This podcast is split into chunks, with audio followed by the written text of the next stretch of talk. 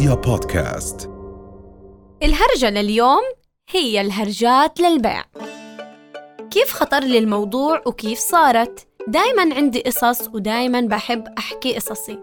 يعني معروف بالعيلة عنا إنه طيبة بتحكي كتير بس أهلي يكونوا مجتمعين بكون أنا الوحيدة اللي بحكي. على طاولة السفرة بتذكر كنت أرجع من المدرسة وعندي قصص كتيرة وماما تسكتني وستو تحكي لهم خلوها تحكي. وباليوم اللي ما بحكي فيه وبضلني ساكتة أهلي وأصحابي وحتى جيراننا بيعرفوا إني زعلانة. وصراحة بشوف قصصنا اللي بنعيشها والمواقف البسيطة اللي بنمر فيها تستحق إنه نكتبها ونخلدها. لأن بالأخير هالقصص وهالمواقف تركت فينا أثر صغير وكبير عايش معنا وبكبر فينا. وحلو قصصنا نرجع نحكيها لأولادنا وأحفادنا لأنه المواقف والقصص ما بتخلص طالما أنت عايش وقاعد بتركض بهالدنيا. ودايما دايما في لذة للقصة وإنت بتحكيها وبتشرب قهوة وإنت بتحكيها ولابس بيجامتك شعور لا بأس فيه لما تكون القصة بوقتها مؤلمة أو كبيرة بعدين تحكيها وإنت قاعد تضحك. بس شعورك دايما بهالقصص لابد إنه يقدر. كتير بحب أسمع كيف كانوا حلقات هرجات للبيع معاكم. صراحة كان كتير حلو جد يعني بدون أي مبالغة. كنت لما أسمعهم الصراحة هيك أحس إنه عم بتخيل أي كلمة بتنحكى.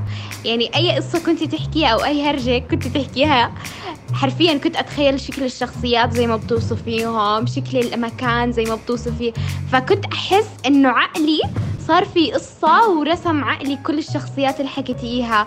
فجد كان كتير حلو وبتمنى يضل الأبد. آه، بودكاست هرجات بصراحة أنا حضرته أنا سمعته كله وأكثر إشي أكثر إشي حبيته فيه إنه بنحكى بطريقة آه، سلسة طريقة فيها بعض الكوميديا مع مواقف بتصير بحياة كل واحد منا.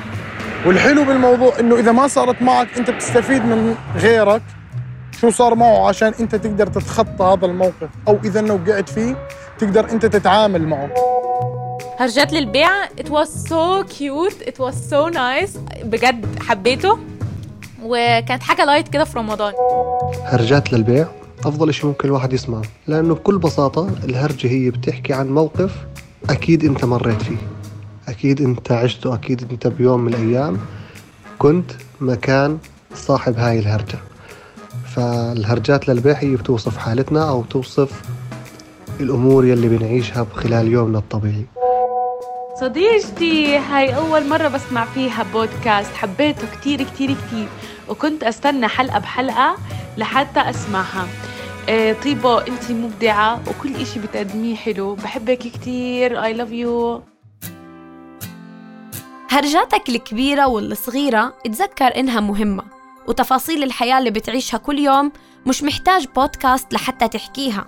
فيك تحكي مع كل الناس فعليا كل الناس اللي بتحبهم وبحبوك. وقت حد يوقفك ويحكي لك ممكن نحكي بعدين؟ ما تقبل. وكمل قصتك بالقعدة اللي بتريحك. حتى وإن كانت عن مقابلة شغلك أو مقعدك بباص أو طفولتك الشقية أو عن عيونك اللي ملونة وحتى عن شباك ستك. كمل. وتذكر إنه بين كل شلة أصحاب ولمة عيلة وبالبلكونة وقدام الغاز في هرجات للبيع. رؤيا بودكاست